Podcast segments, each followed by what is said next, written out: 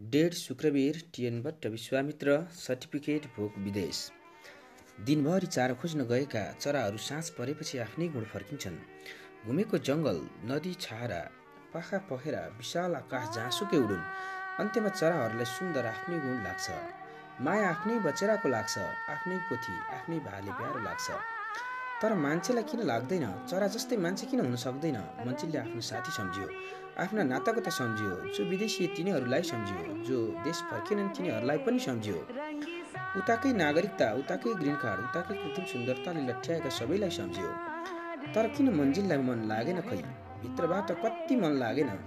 यहीँ केही गरौँ भन्ने भावना सधैँ मनमा आइरह्यो। तर पनि केही गर्न चाहिँ सकेको थिएन। समय यसरी नै बित्यो पढेर पढाएर। उसलाई विदेश जान न नपाएकोमा पैसा कमाउन नसकेकोमा कुनै पीडाबोध पनि भएन। उसले आफ्नो साथी क्षितिजलाई सम्झ्यो। क्षितिज पनि उस्तै अचम्मको आत्मसम्मान भएको मान्छे। आठ दस वर्ष अगाडिको कुरा। एक दिन क्षितिज दुखी हुँदै मन्जिलको कोठामा आएको थियो। त्यस बेला क्षितिज निराश देखिन्थ्यो। क्षितिजले भन्यो बुढीले किचकिच गर्छ यार। किन? मन्जिलले सोधेको थियो। उसले भनेको थियो मैले पाँच सात वर्ष त टिभी भरेँ यार। तर यो वर्ष भनियो। बुढी भर कि भर भनेर किचकिच गर्छे मलाई मन मन छैन।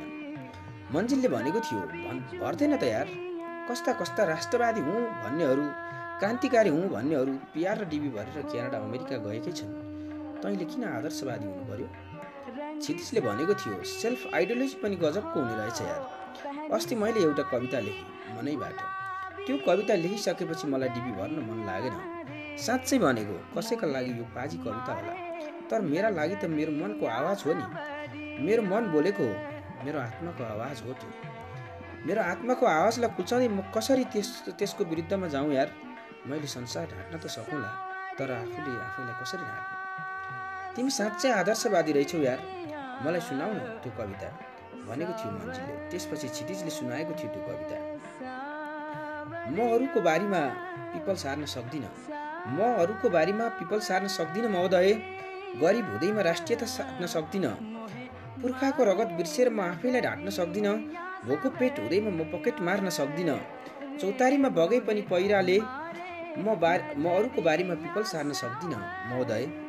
भोकभोकै मरु बरु। भोकभोकै मरु बरु। म भित्रको नेपालीत्व मार्न सक्दिनँ।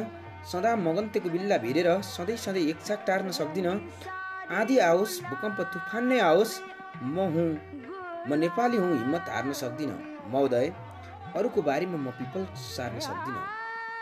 पीडित पीडित पीडितका नाममा पीडित पीडित पीडितका नाममा दासत्व भिसा च्यापेर म हाँस्न सक्दिनँ। नयाँ फक्रने फुलहरूलाई अर्काको गमलामा सजाएर म राष्ट्रियता मास्न सक्दिनँ। महोदय म राष्ट्रियता मास्न सक्दिनँ। दुःखै परे पनि हाँस्छु म आँसु झार्न सक्दिनँ। अरूको बारीमा म पिपल सार्न सक्दिनँ।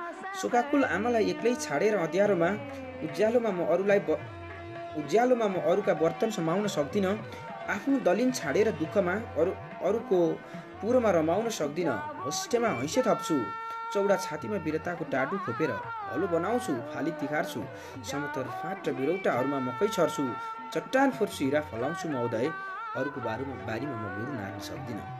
म आफ्नै फुलबारी बनाउँछु अरूको बारीमा बिगल सार्न सक्दिनँ। सुन्दर छ यार अति सुन्दर। नयाँ फक्रने फुलहरूलाई अर्काको गमलामा सजाएर म राष्ट्रियता मास्न सक्दिनँ। क्या गजबको भनेको थियो मन्जिलले। मन्जिललाई अहिले पनि त्यो कविता ज्यादै प्यारो लाग्छ। हो मलाई यसैले रोकियो। यो त मेरो विचार हो नि। आफ्नै विचारलाई आफैले किल्छनु। अनि के बाँच्नु? क्षितिजले भनेको थियो। मन्जिलले क्षितिजसँग बिताएका ती पल सम्झियो।